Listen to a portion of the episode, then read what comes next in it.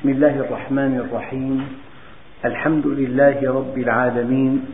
والصلاة والسلام على سيدنا محمد الصادق الوعد الأمين. اللهم لا علم لنا إلا ما علمتنا. إنك أنت العليم الحكيم.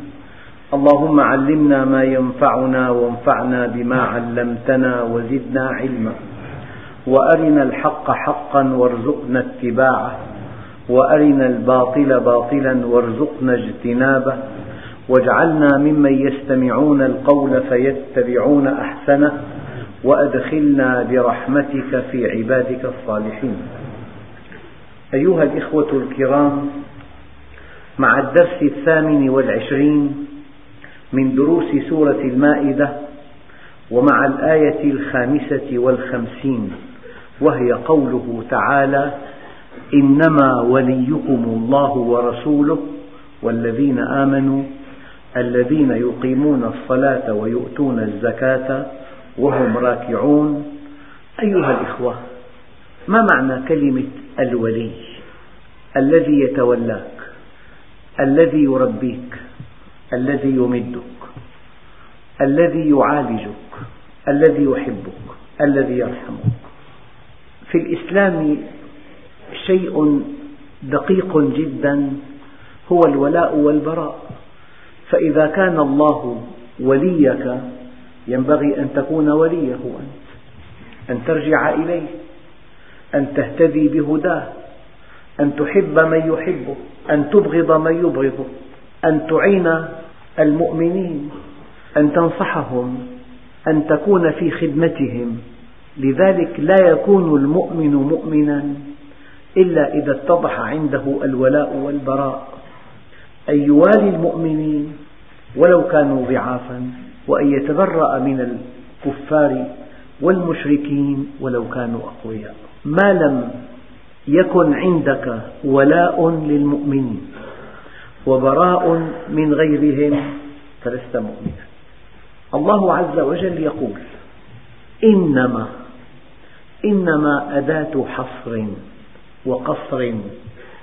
يعني لو أن الله عز وجل قال الله وليكم هذا لا يمنع أن يكون لكم ولي آخر. أما حينما يقول الله عز وجل إنما وليكم الله لا يمكن ولا يقبل ولا يعقل أن تتخذ وليا غير الله عز وجل وغير رسوله وغير المؤمنين. يعني محرم عليك أشد التحريم أن توالي أعداء الله أن تميل نحوهم أن تسترشد بهم أن تهتدي بمناهجهم أن تقلدهم أن تقف معهم أن تتبع توجيهاتهم. هذا محرم عليك أشد التحريم. أيها الإخوة ذلك بأن الله مولى الذين آمنوا. وأن الكافرين لا مولى لهم لا التقريب أب نموذجي بأعلى درجة من العلم والحكمة والقدرة والغنى والرحمة والعطف. وله ابن يرعى شؤونه كلها يرعى صحته يرعى دراسته يرعى تربيته يرعى أخلاقه يرعى دينه. يخطط لمستقبله. يدفعه إلى أعلى مراتب التفوق. نقول هذا الأب ولي لهذا الابن. لو تصورنا ابنا مات أبوه وتزوجت أمه وأهمله المجتمع فمن انحراف إلى آخر ومن مخفر إلى مخفر ومن سجن إلى سجن. يتعاطى المخدرات ينغمس في وحل الرذيلة. نقول فرق كبير جدا بين طفل له ولي كبير أب حكيم أب عالم أب مقتدر وبين طفل مات أبوه وتزوجت أمه وشرد على أنظمة المجتمع واستحق الضياع والسجن. هل هناك ما يتقارب هؤلاء مع هؤلاء؟ هل هناك نسبة بين الولدين؟ ذلك بأن الله مولى الذين آمنوا وأن الكافرين لا مولى لهم. أنت كمؤمن لك مرجع لك مرجع لك منهج لك قيم لك توجيهات من الله عز وجل. في بحياتك فرائض في واجبات في مباحات في مكروهات في محرمات. في سنن. لك قدوة.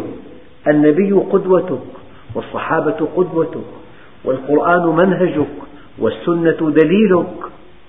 فرق كبير جدا بين من كان الله وليه وبين من لا ولي له. لذلك أيها الإخوة يعني بعيد جدا ويكاد يكون مستحيلا أن يقع المؤمن في ورطة كبيرة. لأن منهج الله يحرسه لأن أمر الله ونهيه يحميه لأن علمه أن الله موجود وأنه يحاسب وأنه يعاقب وأن الله معه ولا يتخلى عنه. هناك حقائق كثيرة جدا تحمي الإنسان من أن ينحرف. هؤلاء الذين يدمرون هؤلاء الذين يسحقون هؤلاء الذين يفضحون هؤلاء لم يتخذوا الله وليا لهم. ليس لهم مرجع إلا شهواتهم ومصالحهم ونزواتهم. لذلك يقعون في ورطة ما بعدها ورطة. الله عز وجل يقول إنما يعني أنت لست مكلفا أن توالي ربك فقط أن تحصر ولاءك في الله عز وجل الله وليك يعني الله سبحانه وتعالى منحك نعمة الإيجاد ونعمة الإمداد ونعمة الهدى والرشاد يربيك ويهديك ويصحح مسارك ويصوب أفعالك ويحاسبك ويشدد عليك ويضيق عليك أحيانا ثم يوفقك ثم يجمعك مع أهل الحق ثم يعينك على صلاح دنياك وصلاح آخرتك. هذا معنى قوله تعالى إنما وليكم الله. لماذا لم يرد الله لنا أن نتخذ وليا غيره؟ لماذا؟ لأن الإنسان إذا كان وليك الإنسان في الأساس محدود علمه محدود قدراته محدودة عواطفه محدودة. الإنسان محدود وضعيف. فقد يرشدك إلى شيء فيه هلاك لك. لأن علمه محدود. قد يدلك على شيء فيه إخفاق لك. لأن علمه محدود. وقد يكذب عليك. ويبين لك أنه وليك وهو في الحقيقة ليس وليك. ففي احتمال المحدودية وفي احتمال الكذب. لماذا لم يرد الله أن يكون الإنسان وليك؟ ولو كان كبيرا أو عظيما لأن أي إنسان محدود. لم يرد الله لك أن يكون المرجع محدودا ولا أن يكون منافقا. لكن الله سبحانه وتعالى حينما ألزمك أن تجعل الله وليك أراد لك الولي المطلق الذي لا يعجزه شيء في الأرض ولا في السماء. أراد لك أن يكون الولي غنيا وقويا ومهيمنا ومتصرفا أراد لك أن تقوى بقوته وأن تغتني بغناه وأن تكون حكيما بحكمته وأن تسعد بالقرب منه. لو خيرت بين أن يكون لك مرجعان مرجع فقير جاهل ومرجع قوي غني عالم. الشيء الطبيعي والبديهي أن تؤثر أن ترجع إلى القوي إلى الغني إلى الرحيم. فكيف إذا كان الله عز وجل بيده كل شيء؟ بيده كل شيء بدءا من صحتك إلى أجهزتك إلى أعضائك إلى حواسك إلى أهلك إلى أولادك إلى من فوقك إلى من تحتك. إلى الرزق إلى الرحمة إلى السكينة. كل شيء بيد الله عز وجل. اجعله وليا. إذا كنت مع القوي فأنت القوي. نحن في المنظور الأرضي. أضعف دولة. لو أن دولة قوية دعمتها لأصبحت أقوى دولة. أنت حينما تكون مع الله كان الله معك. يعني كلمات ما أدري أين تصل إليكم. إذا كان الله معك فمن عليك. لا تستطيع قوى الأرض أن تنال منك. ألا ترون واقع المسلمين اليوم؟ في وضع لا يحسدون عليه. وقد قال الله عز وجل ومكروا مكرهم أعداؤهم ومكروا مكرهم وعند الله مكرهم وإن كان مكرهم لتزول منه الجبال. مكر أعداء المؤمنين تزول منه الجبال. وفي آية قصيرة يقول الله عز وجل وإن تصبروا وتتقوا لا يضركم كيدهم شيئا. الخلاص في هذه الآية. يعني مجند بفرقة. هل يخشى هذه الرتب المخيفة إذا كان أبوه قائد الجيش؟ انتهى كل شيء. الله عز وجل ينتظر منا أن نجعله وليا لنا. أن نجعله مرجعا لنا أن نجعله ملاذا لنا أن نجعله ملجأ لنا أن نجعله هاديا لنا. يا عبادي كلكم ضال إلا من هديته فاستهدوني أهدكم كلكم جائع إلا من أطعمته فاستطعموني أطعمكم. كلكم عار إلا من كسوته فاستكسوني أكسكم. إذا الله عز وجل يقول إنما وليكم الله ورسوله. يعني الله في قرآنه. الله في قرآنه. هذا القرآن منهج الله في الأرض. هذا القرآن تعليمات الصانع. هذا القرآن الكريم لا يأتيه الباطل من بين يديه ولا من خلفه. الحلال ما أحله الله والحرام ما حرمه الله. والحسن ما سمح الله به والقبيح ما نهى الله عنه. إنما وليكم الله في كتابه. والله وليكم في الدعاء أيضا. تدعوه فيستجيب لكم.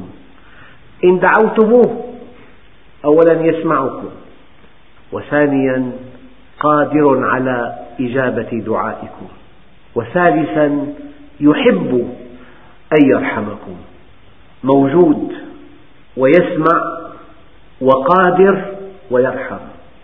وليكم في ماذا ينبغي أن تعتقدوا. وليكم في أنه قدم لكم تفسيرا شاملا متناسقا لحقيقة الكون وحقيقة الحياة وحقيقة الإنسان. وليكم هو معكم تدعونه سرا وعلانية.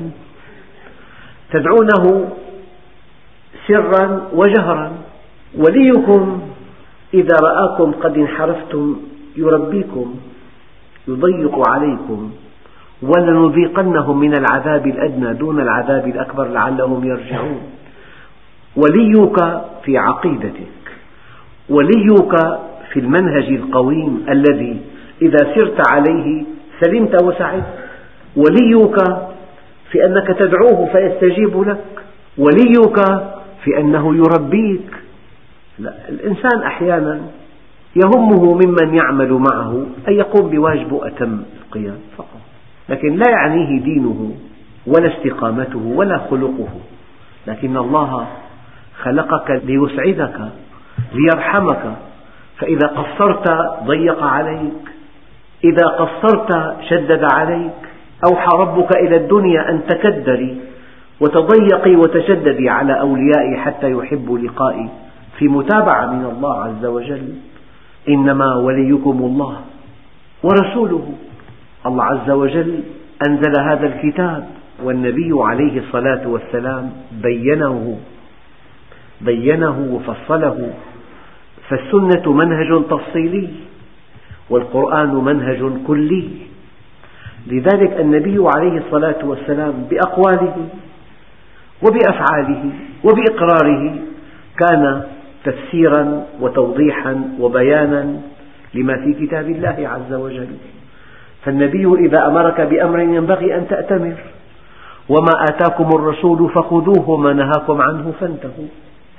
والنبي إذا وجهك توجيها ينبغي أن تستجيب له. فإن لم يستجيبوا لك يا محمد فاعلم أنما يتبعون أهواءهم. والذين آمنوا المؤمن نصوح المؤمن ينصحك ولا يسكت على انحراف المؤمن يرشدك المؤمن يأمر بالمعروف وينهى عن المنكر المؤمن يقدم لك العون المؤمن يغار على مصلحتك المؤمن يغار على سمعتك. المؤمن يغار على مصيرك. فالله ورسوله والذين آمنوا واحد. الأصل أن الله ولينا. فرع من هذا الأصل أن النبي عليه الصلاة والسلام ولينا.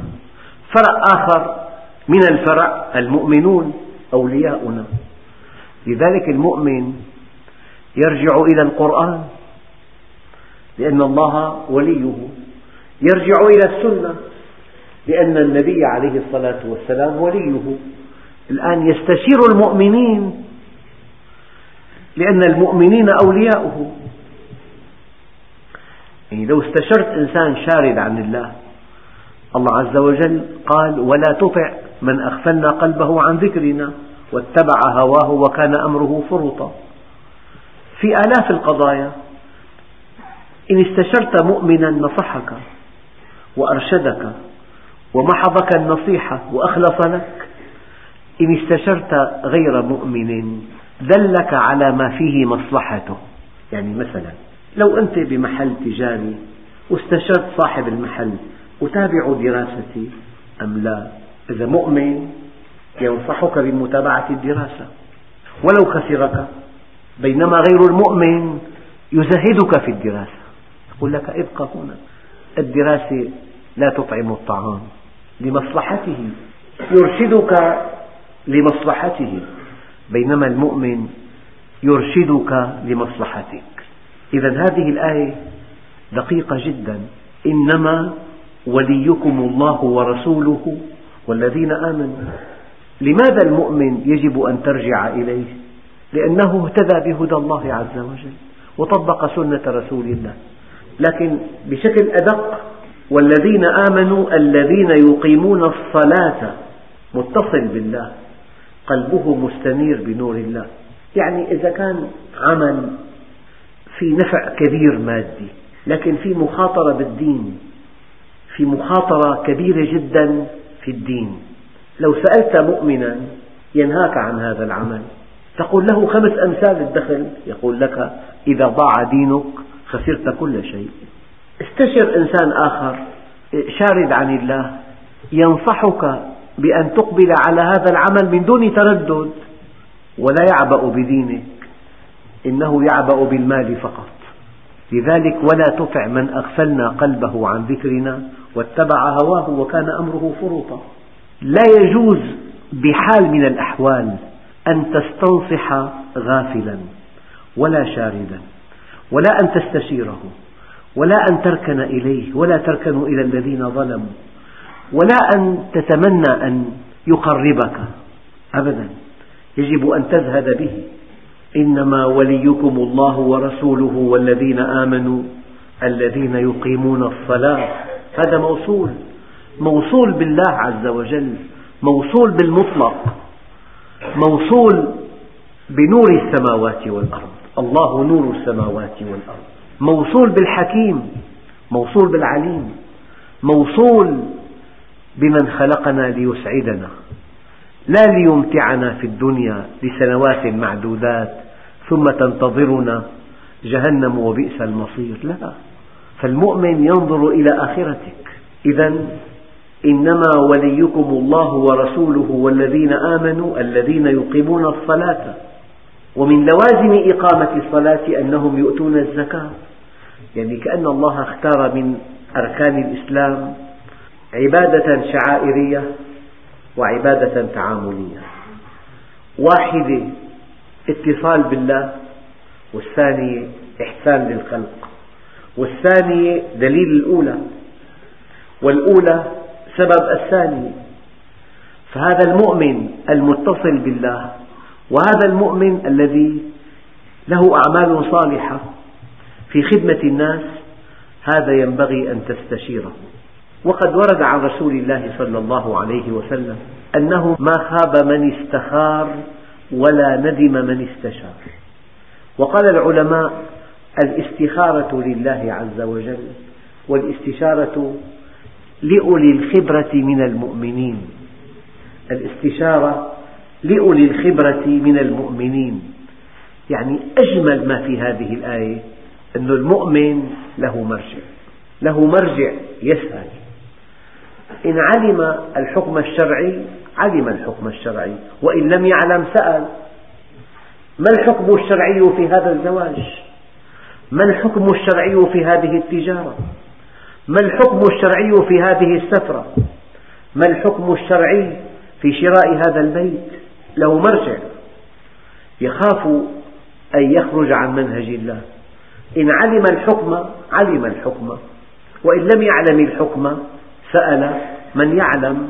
قال تعالى فاسألوا أهل الذكر إن كنتم لا تعلمون.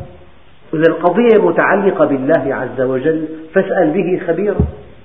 فلأن الله مرجعك ولأن رسوله مرجعك ولأن أولي الخبرة من المؤمنين مرجعك ينبغي أن تسأل. لذلك ورد في القرآن آيات كثيرة. يسألونك عن الخمر والميسر يسألونك عن المحيض يسألونك ماذا ينفقون. فمن صفات المؤمن أنه يسأل لأن له مرجعية. أقول مرة ثانية قلما يدمر المؤمن قلما يسحق قلما يفتضح. لماذا؟ لأن له مرجعية. هو يتحرك بنور الله. يطبق منهج الله. يسعى لنيل رضوان الله عز وجل. المؤمن قد تأتيه بعض الامتحانات وبعض المصائب لكنها معقولة جدا. خفيفة لطيفة سريعة. أما أحيانا إنسان يدمر هذا الذي يرتكب جريمة ثم يعدم. هذا مقطوع عن الله. لو كان مع الله لما أقدم على هذا. لا تنسوا هذا المثل. ابن له أب كبير بعلمه ورحمته وحكمته وخبرته وماله. هيأ له أجواء رائعة. اعتنى بصحته اعتنى بعقله اعتنى بنفسه اعتنى بعلاقاته اعتنى بدراسته. رسم له مستقبل مشرق. تفرغ له هذا الابن. هل يوازى مع ابن؟ مات أبوه وتزوجت أمه وسكن في المخافر وفي مأوى الشاردين ومن مخفر إلى مخفر ومن سجن إلى سجن وهو غارق في المخدرات وفي الانحرافات والشذوذ. هذا كهذا؟ أين السرى من السرية؟ ذلك بأن الله مولى الذين آمنوا وأن الكافرين لا مولى لهم. الكافر يعيش لحظته. عرضت له شهوة يقتنصها حرام أو حلال. عرض له مال يأخذه. لا يسأل أيجوز أو لا يجوز. يعني سمعت أنه إنسان فقير جدا جدا فقير. يعمل في بستان بأجر زهيد أعطي عشرين دنم من ملاك كبير بقوة القانون. فهذا اختل توازنه من الفرح. فذهب إلى شيخه ومرجعه يبشره بهذا العطاء. انتقل من أجير إلى مالك من فقير إلى غني. فقال له شيخه وأنا لا أعلق على حكم الشيخ في هذا الموضوع لكن يهمني المغزى. قال له هذه الأرض مغتصبة. لا يجوز أن تأخذها. كأن فرحته بهذه الأرض جمرة أطفأتها بكأس ماء. أمد لا يجوز. ماذا أفعل يا سيدي؟ قال له ليس لهذا وجه شرعي. إذا أردت اشتري الأرض من صاحبها. قال له لا أملك ثمنها قال له إيه، لعله يبيعك إياها تقسيطا. فذهب إلى صاحب الأرض الذي أخذت منه. قال له يا سيدي أعطوني من أرضك عشرين دنم وسألت شيخي فقال لا يجوز أن آخذها منك لأنها أخذت منك غصبا. هل تبيعني إياها؟ تأمله مليا. وقال له يا بني أنا أخذ مني أربعمائة دنم لم يأتي إلي إلا أنت. هذه هدية لك. خذها وتملكها وازرعها وانتفع بخيرها. هي هدية لك بارك الله لك فيها. له مرجع. تملكها حلالا له مرجع. المؤمن له مرجع. قبل أن يسافر قبل أن يغامر قبل أن يتزوج قبل أن يعمل في جهة لا ترضي الله قبل أن يكتب قبل أن ينال شهادة في فن لا يرضي الله له مرجع. فاسألوا أهل الذكر إن كنتم لا تعلمون. والله يا أيها الإخوة يعني إنسان جمع أموال طائلة للاستثمار ثم أقام مسابقة لانتخاب ملكة جمال. الذين أودعوا معه أموالهم من المتدينين رابهم هذا الأمر فسألوا من مشايخهم فقال يا بني اسحبوا أموالكم هذا إنسان يبدو على غير منهج. الذين سحبوا أموالهم في الوقت المناسب هم الذين نجوا وحدهم من الإفلاس. المؤمن له مرجعية يسأل الله عز وجل ما دام يعلم منك الصدق يلهم الذي تسأله أن يقدم لك النصح. أقول لكم مرة ثانية. قلما يدمر المؤمن. قلما يسحق. قلما يفضح. لأن له مرجعا. يتحرك وفق منهج الله يتحرك في مظلة الله يتحرك بتوجيه كتاب الله يتحرك بهدي رسول الله. يستنصح المؤمنين. لذلك لست وحدك في الحياة أنت عضو بأسرة. يعني أجمل ما في الإيمان هذا الجمع. أنت عضو بأسرة. الكل لواحد والواحد للكل. ألف أخ مؤمن ينصحك ويعينك. يعني أحيانا لا يجد الإنسان الذي يعيش بعيدا عن جماعة المؤمنين ثمن دواء. فأحدث مصرف لأن تستلف ثمن الدواء فقط. بينما إذا كنت مع المؤمنين ألف مؤمن بيساعدك ألف مؤمن بعونك والله التضحيات التي تراها في مجتمع المؤمنين تكاد لا تصدق. أنت في جماعة أنت مع المؤمنين. لذلك قال تعالى إنما وليكم الله ورسوله والذين آمنوا الذين يقيمون الصلاة ويؤتون الزكاة وهم راكعون. يعني في بعض أسباب النزول قد لا تقبلونها أنه أثناء الركوع سائل سأل سيدنا علي أمد له يده وفيها خاتم فسحبه؟ فلذلك أدى الزكاة وهو راكع. لكن المعنى الذي يليق بقرآن الله عز وجل أنه يؤدي الزكاة وهو خاضع لله في منهجه. يطبق منهج الله عز وجل. في إنسان يدفع مال معه مال وفير. هو غارق في شهواته لكنه يعطي من ماله ما يشاء. لا يؤتون الزكاة وهم راكعون. خاضعون لمنهج الله عز وجل.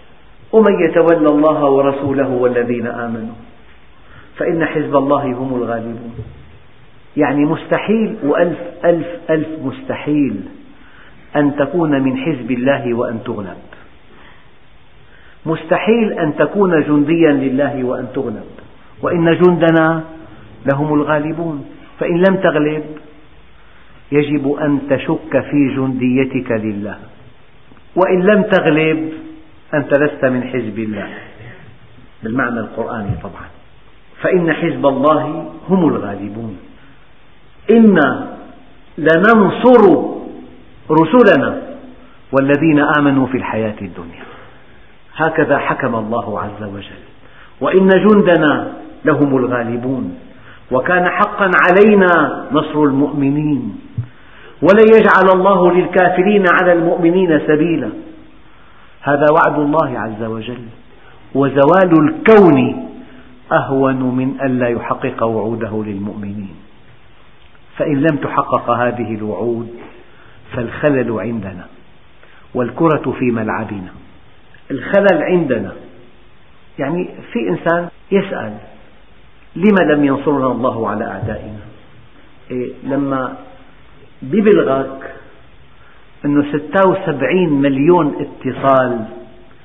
هدول قيمتهم النقدية مليارات من أجل اختيار مغنية أو أخرى. هذا واقع المسلمين. 76 مليون اتصال تكلف مليارات بس من أجل أن تتصل وتقول أنا أحب هذه المغنية. هؤلاء كلهم مسلمون. مسلمون. فلذلك لا تعتبوا على الله. زوال الكون أهون على الله من ألا يحقق وعوده للمؤمنين. إنما وليكم الله ورسوله والذين آمنوا الذين يقيمون الصلاة ويؤتون الزكاة وهم راكعون. ومن يتولى الله ورسوله والذين آمنوا. فإن حزب الله هم الغالبون. هذا قول خالق الأكوان. لذلك لما النبي عليه الصلاة والسلام أرسل عبد الله ابن رواحة لتقييم تمر خيبر اليهود أغروه بحلي نسائهم فقال والله جئتكم من عند أحب الخلق إلي ولأنتم أبغض إلي من القردة والخنازير ومع ذلك لن أحيف عليكم. فقال اليهود بهذا قامت السماوات والأرض وبهذا غلبتمونا ونحن حينما لا يظلم بعضنا بعضا ننتصر على أعدائنا إنما تنصرون بضعفائكم. الضعيف أنت قوي حينما تعطيه حقه وحينما توفر له كرامته. يكافئك الله على أن نصرت من هو أضعف منك بأن ينصرك على من هو أقوى منك. يكافئك الله لأنك نصرت من هو أضعف منك بأن ينصرك على من هو أقوى منك. وأنت حينما تعطي كل إنسان حقه وتعطيه كرامته تعطيه رغيف خبزه وكرامته تأخذ منه كل شيء ويصبح المجتمع متماسكا لا يخرق. يعني بربكم. قوة اليهود من أسلحتهم فقط من معلومات من أعطاهم إياها. كيف اغتالوا فلانا وفلانا؟ من أين جاءتهم المعلومات؟ أنا في خطأ في خلل كبير بحياتنا. ومن يتولى الله ورسوله والذين آمنوا فإن حزب الله هم الغالبون. لا تنسوا هذه المقولة. زوال الكون أهون على الله من ألا يحقق وعوده للمؤمنين. مستحيل. وألف ألف ألف مستحيل. أن تؤمن بالله وأن تعد لأعدائك ما تستطيع ثم لا تنتصر. في خلل إما في الإعداد أو في الإيمان. الخلل إما في الإيمان أو في الإعداد. أما آمنت بالله الإيمان الحق وأعددت لعدوك ما تستطيع ولا تنتصر هذا يتناقض مع القرآن الكريم. ثم يقول الله عز وجل يا أيها الذين آمنوا لا تتخذوا الذين اتخذوا دينكم هزوا ولعبا من الذين أوتوا الكتاب من قبلكم والكفار أولياء. أقول لكم المسلم المقصر دون أن يشعر. إن رأى جهة قوية مسيطرة غنية يميل إليها على حساب دينه. يميل إليها على حساب كرامته. فإذا والى واحد منا الطرف الآخر ولم يوالي المؤمنين خيب الله مسعاه. من أرضى الناس بسخط الله سخط عنه الله وأسخط عنه الناس. يعني بتجارب المسلمين مع الطرف الآخر. هل جاءنا خير منهم؟ أبدا. الله عز وجل قال والله أعلم بأعدائكم. أيها الإخوة بتوجيه من الله عز وجل يقول الله يا أيها الذين آمنوا لا تتخذوا الذين اتخذوا دينكم هزوا ولعبا يعني لا تصاحب من لا يرى لك من الفضل مثل ما ترى له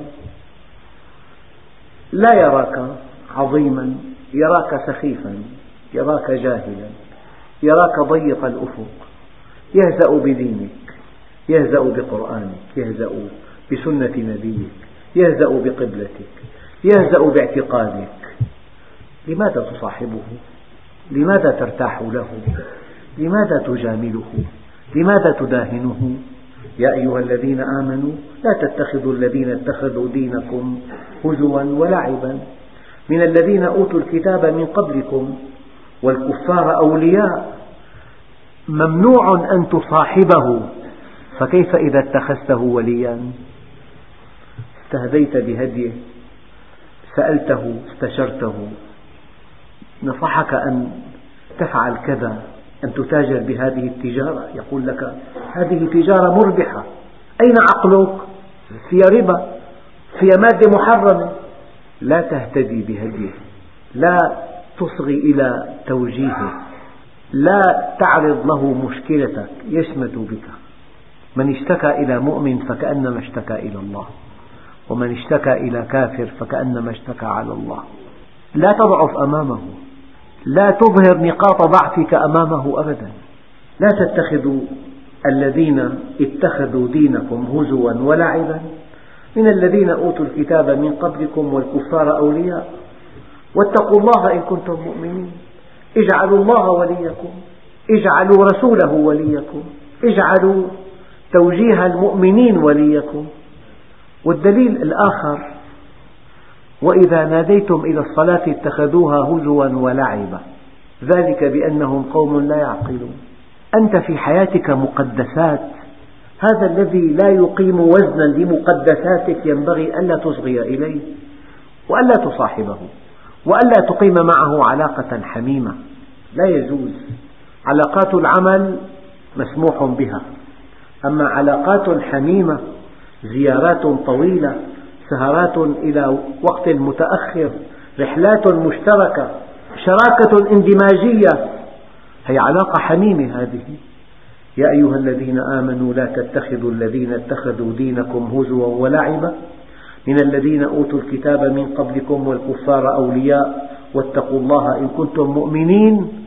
وإذا ناديتم إلى الصلاة اتخذوها هزوا ولعبا. ذلك بأنهم قوم لا يعقلون. نحن في حياتنا إذا إنسان متفوق في العلم وعنده مكتبة ضخمة وهذه المكتبة استوعبها وهي تجري في دمه لو التقى بإنسان جاهل يهزأ به يقول له هذه المكتبة لا تطعمك الخبز افعل كذا وكذا لا يعرف قدر العالم إلا العالم. فأنت حينما تصاحب من لا يرى لك فضلا تكون قد أخطأت خطأ فاحشا. لا تصاحب إلا مؤمنا ولا يأكل طعامك إلا تقي. أيها الإخوة الكرام في الدرس القادم نتابع هذه الآيات والحمد لله رب العالمين.